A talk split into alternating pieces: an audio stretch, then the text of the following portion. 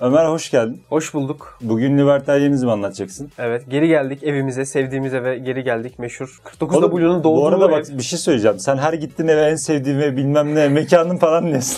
ben ilk burada söylediğine inanmıştım gayet. Sonra İstanbul'da da o özlediğimiz yerdeyiz falan öyle şeyler söylemiştin. Yok yok sadece bu eve diyorum. Sadece bu eve diyorum. Bu evde biz aslında liberal babaları anlattık. Onunla ilişki olarak da bugün libertaryenizmi konuşalım dedim. Evet arkada da bugün sevgili Musa Yağcı Yıkıklar videosundan bildiğiniz mafyatik avukat ve ben İbrahim Karaslan. sevgili Ömer'in nesiyim? Birisi dostu. en kırmızı ya da dostu. Sen Evet. bu arkadaki girişi İlker Hoca'dan mı öğrendin gittiğin zaman iki haftada? Merhaba ben dünyanın en kötü yönetmeni İbrahim Karaslan diye. Ben de öyle bir şey mi bulsam? Ömer Yamamaz enli cümleler kurmak çok zor kendin hakkında. Ne düşünüyorsun? Tabii canım. Enli cümlelerin tamamı yanlıştır zaten. Evet. Sadece kendin hakkında değil. Herhangi bir şey hakkında düşünsene. Yani en kötü yönetmeniyim derken bile çok iddialı bir Çok oğlum zor. diyor. Evet. en çok şunu seviyorum. Zor. Falan filan. Evet neyse zor. Bugün bayağı popüler bir konuyu konuşacağız Ömer. Aynen. Türkiye'de son zamanlarda yükselen bir ideoloji libertaryenizm.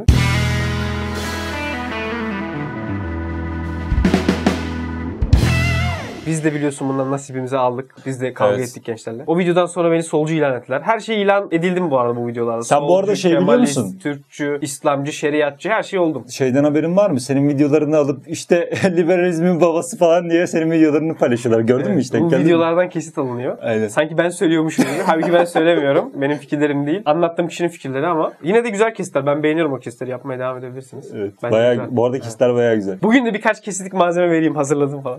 Güzel. İyi hazırlamadım. Evet libertaryenizm nedir? Önce hemen şunu sorayım bir. Bence herkesin kafasında şu vardır. Liberalizmle farkı ne bunun? Libertarianizmin zaten entelektüel kökenleri liberalizme dayanıyor. Aslında liberal geleneğin içinde bir kanat olarak adlandırabiliriz. Çünkü libertarianizm temelde liberal prensiplerin birazcık daha alınıp limite doğru götürülmesidir. Sen kurgucusun anlarsın. Ya kontrası 100 yaptığın zaman ne, Ne olur? oluyor? Full kontrast olur değil mi? Evet çok abartı bir şey görürüz. Libertarianizmde temelde bu prensipleri, liberal prensipleri alıp biraz daha limite götürmektir aslında. Marjinal bir liberalizm midir libertaryenizm? Ya Şimdi marjinal bir liberalizm demeyeyim de yani temelde liberalizmden çok da bir farkı yoktur. Anladım. Ama bunu alıp biraz daha ekstreme götürmektir. Şimdi de anlatınca anlayacaksın. Yani aslında ideolojik köken olarak yine aynı şekilde Locke'a dayanırlar. Adam Smith'e referans verirler. Klasik liberalizm biliyorsun 18. yüzyıldan itibaren gelen bir ideolojiydi, bir akımdı. Libertarianizm ise 20. yüzyılda birileri kendilerine libertaryen demeye başladı. Niye libertaryen demeye başladılar? Amerika'da liberal demokratlar için kullanılmaya başlanınca yani Amerika'daki herkes liberal ya. Demokratlar liberal diyor kendilerine ve onların liberalliği aslında daha ziyade toplumsal konularda, kültürel konularda özgürlükleri arttırabilmek, cinsiyet Meseleleri, özgür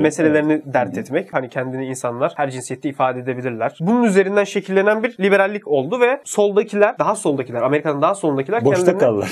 liberal dediler aslında onlar. Anladın mı? Yani onların liberalizmden anladığı daha ziyade politik özgürlüklerdi. Evet. Ekonomide ise daha büyük bir hükümeti savunuyordular. Daha çok müdahale eden bir devlet. Bu sefer Amerika'daki bugünkü libertaryenler ne dediler? E, liberali bunlar aldı. Kelimeyi bozdular. Zehirlediler kelimeyi. Daha doğrusu şey tahrif ettiler. O zaman biz de kendimize libertaryen diyelim. Anladım. Anladın ya o ayrımı aslında liberalizmden ayrımı yapma sebepleri daha ziyade Amerika'nın kendi siyasi dinamikleriyle de alakalı. Anladım. Ama liberteryenlik aslında esas güçlenmesi Avusturya okuluyla başlıyor. O 20. yüzyılın başında Hayekler, Misesler, Hayek'i biliyorsun Hayek'i de Evet. konuşacağız. Onların aslında teorileri üzerinden gelişen bir ideoloji. Ama liberalizmden öyle büyük farkları yok. Zaten anlatınca da göreceksin. O zaman hemen şunu sormak gerekiyor bence. Neyi, neyi savunuyorlar temel olarak? Temelde libertaryenizm şunu savunuyor. Bireyin özgürlüğü kutsaldır. Bireyin otonomisine dokunulamaz. Çünkü biz bireylere saygı duyuyoruz. Onun verdiği kararlara, onun aksiyonlarına saygı duymak gerekir. Onun özgürlüğünün sınırı klasik özgürlük argümanıdır. Başkasının özgürlüğünün ihlal ettiği noktadır. Yani senin özgürlüğünün sınırı başkasının özgürlüğü başladığı noktada biter. Biter. Dolayısıyla başkasının özgürlüğüne zarar getirmediği sürece bireyin alanını aşmak lazımdır. Ve bireyin alanını kısıtlayan, bireyin otonomisine zarar veren, özgürlüğünü kısıtlayan her eylem gayrimeşrudur. Gönüllülük esaslı ilişkilere inanırlar. Toplumdaki bütün ilişkiler gönüllülük esasına dayanmalıdır. Rızaya dayanmalıdır. Kimse kimseye zorla bir şey yaptıramamalı. Başlangıç noktası burası yani. Buna mesela vergi de dahil mi?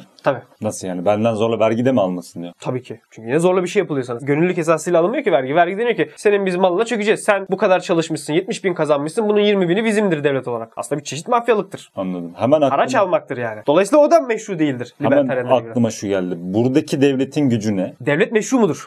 Buradan başlayacağız. Bir dakika.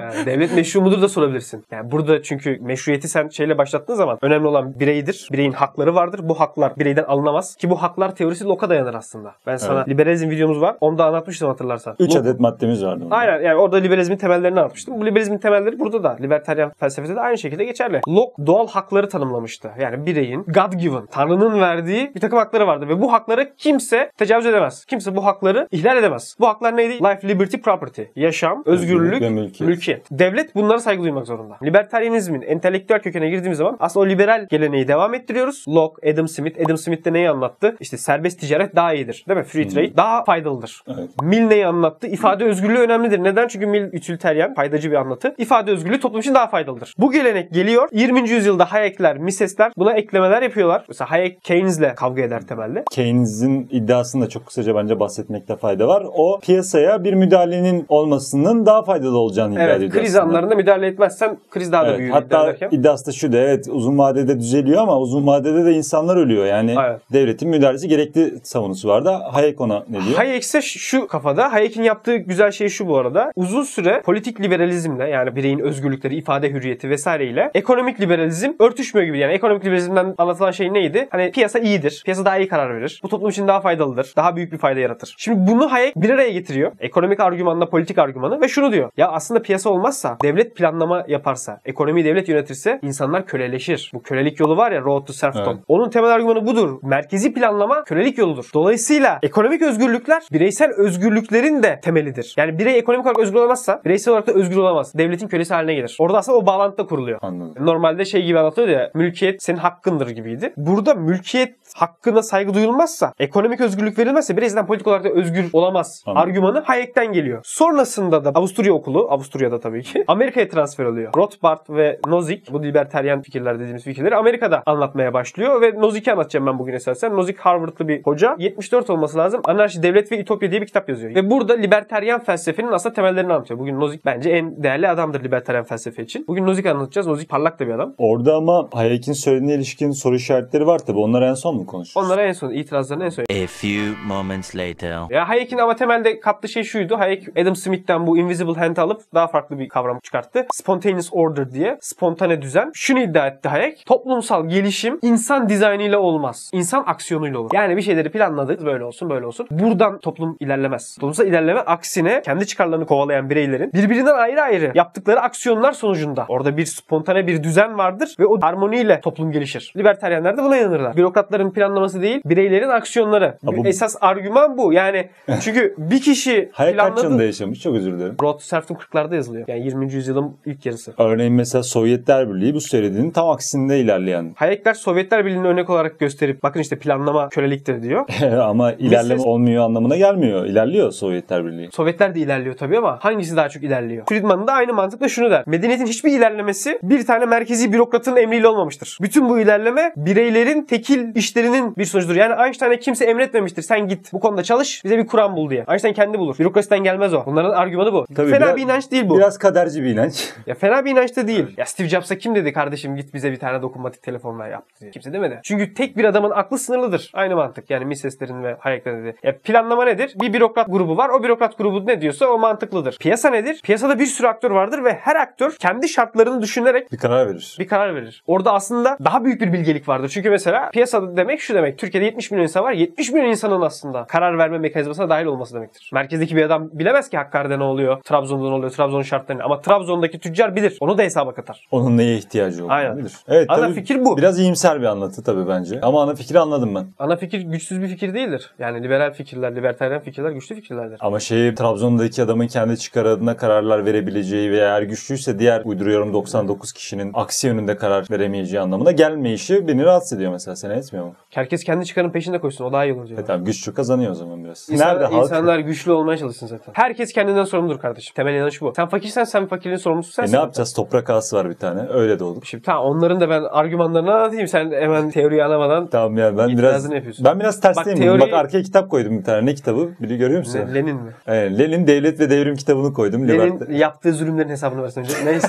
Nozi'yi biraz anlatayım. Sen biraz argümanı gör. Hani meşruiyet nereden yaratılıyor? Sonrasında bunun çeşitli sonuçları oluyor. Onları gör. Tamam. Şimdi Nozick Anarşi Devlet Ütopya'da çok değerli bir kitaptır. Nozick de parlak bir adamdır. Aslında libertaryen teorinin temellerini anlatıyor. Şimdi burada başlangıç noktamız Kantçı bir nokta. Her insan kendine hastır ve her insan biriciktir. Saygı duyulması gerekir. Eşit Evet. olarak. Her insan kendi içine bir amaçtır. Bir araç olarak kullanılamazlar. Bu şu demektir. Ben kendi amaçlarım doğrultusunda Musa'yı, İbrahim'i kullanamam. Bana faydası olacak bir şey için bunları kullanamam. Sizin izniniz olmadan. Dolayısıyla herkesin bireysel otonomisine, kararlarına saygı duymak gerekir. Kan vermek iyi bir şeydir. Türkiye'deki herkesten zorla kan alsak kötü mü olur? İyi olur. Gayet iyi olur. Ama zorbalıktır bu. Toplum faydası adı altında. Senin bireyselliğine, senin vücut dokunulmazlığına saygı duymam gerekir. Yani bu işin ahlaki meşruiyeti bu bireyin dokunulmazlığı ve bireyin haklarının olduğu bu hakların ihlal edilemeyeceğinden gelir. Dolayısıyla sen iyi bir amaç uğruna kağıt üstünde kullanılamazsın. Senin rızan gerekir. O yüzden kan vermek rızaya dayalı olmalıdır. Aynı şekilde birey kendisine sahiptir değil mi? Evet. Ben kendimi sahibiyim. Bu self ownership dedikleri İradesi vardır anlamını. iradesi vardır ve bu benim malımdır aslında. Yine Evet. ekonomiye düş. Bu benim malımdır. Benim yeteneklerim ve benim bedenimle, benim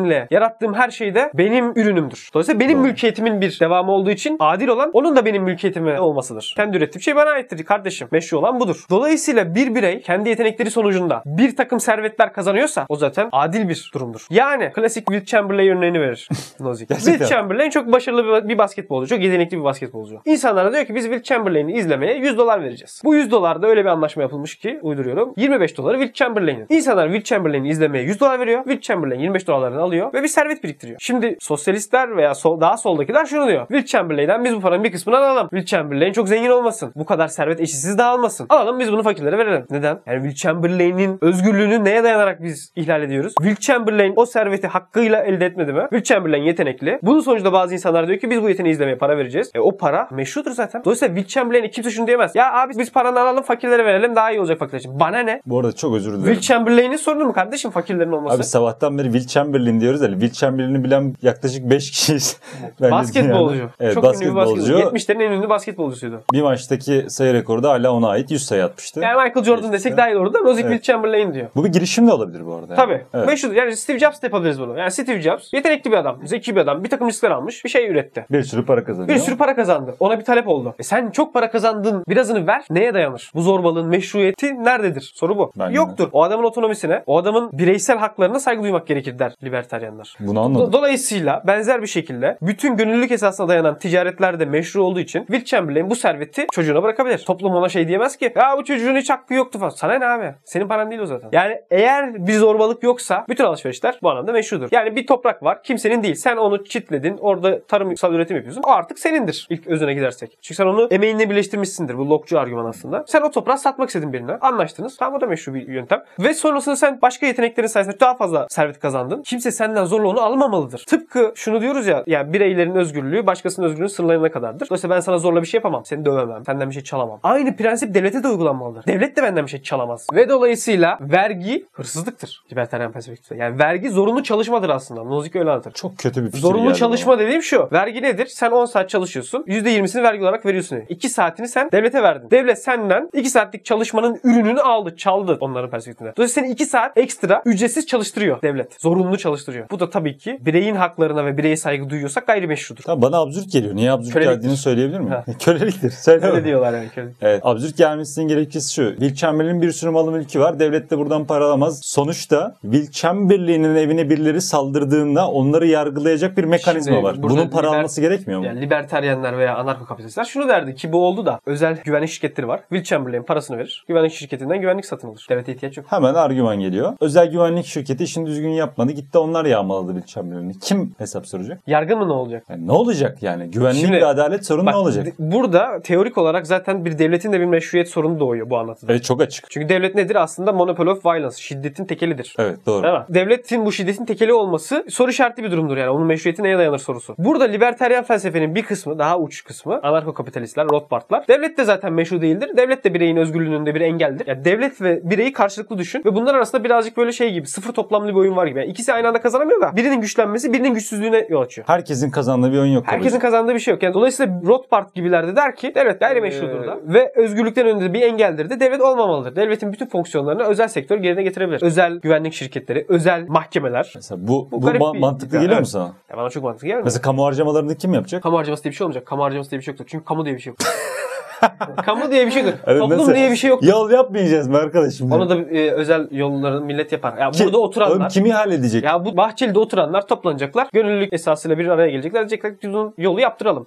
Parasını verip yolu yaptıracaklar. Ankara'dan Adana'ya gidecekler. Dernek kurup yol mu yaptıracak abi o zaman? İnsanlar gönüllülük esasına dayalı bir araya gelip yolları da yaparlar, parklara da bakarlar. Düşünce bu. Zamanla o düzen oturur. Devlete bizim ihtiyacımız yok. Ama bu herkes tarafından benimsenen bir fikir değil. Yani libertaryen felsefede de kendi içinde de bir dağılım var. Devleti dışlayanlar var, anarko-kapitalistler. Bir de minimal devlet olsun diyenler var. Nozik burada. Küçük devlet. Gece bekçisin devlet derler buna. Yani yargı, polis, ulusal güvenlik fonksiyonları var. Bunlar için tamam vergi de toplayabilir. Ama bunun dışındaki her şey gayrimeşrudur. Bunlar da meşrudur. Çünkü bireyin özgürlüklerinin ve mülkiyetinin korunabilmesi için bir yapı olması gerekir. En mantıklı yapı da zaten devlettir. Yani Nozik'te şey gibi anlatıyor. Eğer devlet olmasaydı, farklı özel şirketler olsaydı da bir noktada onlar tekelleşecekti ve devlet vari bir yapı ortaya çıkacaktı. Dolayısıyla minimal devlet meşrudur ve de minimal devlet olmalıdır da. Bana sorarsan ben zaten daha liberal bir tarafta olduğum için hep daha devlet tarafındaydım. Bizim arkadaşlar daha anarko kapitalisti. Ben diyordum oğlum saçmalamayın nasıl olacak falan. Bence de biraz uçuk kalabiliyor anarko kapitalizm. Biraz Ama sorunlu. şeyi anladın yani ama bir anarko kapitalist şunu okuyor olacaktır. Devlet küçük olsun. Ne kadar küçük olsa o kadar iyi yani. Adam şey demeyecektir. Devlet varsa biz masada yokuz. Yok. Devlet küçük olsun. Hükümet mümkün olan az şeyi kontrol etsin. Az şeyi regüle etsin. Bu fikir 70'lerden sonra neoliberalizmin güçlenmesiyle beraber zaten biraz hegemonik de oldu. Yani 70'lerde Nozick kitabını yazdı dedik. Aynı dönemde Hayek Nobel ödülü aldı. Friedman aynı şekilde 70'lerin adamıydı. Ve aynı dönemde Reagan, Thatcher, Amerika ve Birleşik Krallık'ta ortaya çıktılar. Türkiye'de Özal. Dolayısıyla bunların yaptıkları da neydi? Libertaryen felsefeyle uyumluydu. Devlet küçülsün, devlet daha az regüle etsin piyasayı. Öylesi daha iyi, daha hayırlı. Makul görünüyor bu. Thatcher'ın çok meşhur bir konuşması vardır. Toplum diye bir şey yoktur diye. Toplum diye bir şey yoktur iddia eder libertaryenler. Bireyler vardır ve bireylerin toplamı vardır. Kim size kamu faydası diyorsa sizi kazıklıyordur. Öyle bir şey yoktur. Birileri birileri adına feda edilir aslında. Kamu faydası adı altında. Yani kamu faydasının da çok subjektif bir şey olduğunu da düşünürsek şey daha objektif bir temeldir. Bireylerin faydası. Kişisel faydadır ve onu sen bilirsin zaten. Yani kimse bilemez. Dolayısıyla kimse onu ihlal etmesin. Ona zarar vermesin. Mantık bu. Nozick ahlaki bir argüman anlattı. Yani ahlaken meşru olan nedir hani? Bu ekonomik olarak daha faydalıdır da anlatmıyor. Ama ekonomik olarak daha faydalıları da anlatıyor libertaryenler aslında. Başkaları işte Friedman'lar, Rothbard'lar. Onlar da ne diyor? Hükümet ekonomiye müdahale ettikçe daha kötü yapar. Bir temel argüman budur libertaryen için. Tıpkı Besim Tibuk'ta olduğu gibi. Devlet verimsiz bir şeydir. Devletin ekonomiye müdahalesi verimsizliği arttırır. Piyasa daha iyisini yapar. Atıyorum sosyal yardımlar insanları sorumluluk duygusunu törpüler. Ve insanlar şöyle düşünmeye başlar. "Ha, devlet bize bakıyor zaten. Bin dolar eşsizlik maaşımı alıyorum. O zaman çalışmamaya yönlenirler. Sorumluluğu kendilerine atarlar. Halbuki şöyle olsaydı der libertaryenler. Benim para kazanmam kendi elimdedir. Oturacağım eşek gibi çalışacağım ve kazanacağım. Ekonomiye daha katkı. Ekonomiye daha çok katkısı Topluma daha katkı evet Aynen. doğru. Veya işte zorunlu askeri ücret. Zorunlu askeri ücret, Friedman bunu anlatır. Aslında düşük becerili işçiler, işçi grubunda bir işsizliğe yol açar. Çünkü şöyledir. Mesela zorunlu askeri ücret 800 dolar oldu diyelim. Bu şu demek. Aslında o işin bedeli 800 dolar değil. Ederi 800 dolar değil. Yani piyasaya bıraksan 800 dolar Vermeyecek demek. Aynen. Piyasa başka bir şey verecek. Asgari ücret verirsin. 400 verecek belki. O zaman şunu yapacak aslında piyasa. 400 dolardan iki kişi işe alacak. Şimdi sen 800 dolar deyince bir kişinin işini elinden alıyorsun diyorum. Piyasa onu belirleseydi iki kişi daha fazla istihdam Bu tabii hemen yanlışlanabilir bir iddia gibi geliyor bana. Asgari ücretin belirlenme gerekçesi zaten bir insanın temel yaşam gereksinimlerini temel olarak karşılayabilecek seviyede tutulması değil mi? Ya burada anlatı şu. Sen düşük becerili bir iş yapmışsın. Kendini geliştirseydin. Bize ne abi? Yani şu olay şu. Sen diyorsun ki bu kötü bir şey. Bu adamın fakir kalması, durumu çok kötü bir şey. E Ömer de çok zeki, çok başarılı, çok zengin. Ömer'in parasına çökelim. Bu adamı yükseltelim. Niye kardeşim? Bana ne ya? Bana ne ya? Libertarizm bana ne ideolojisidir?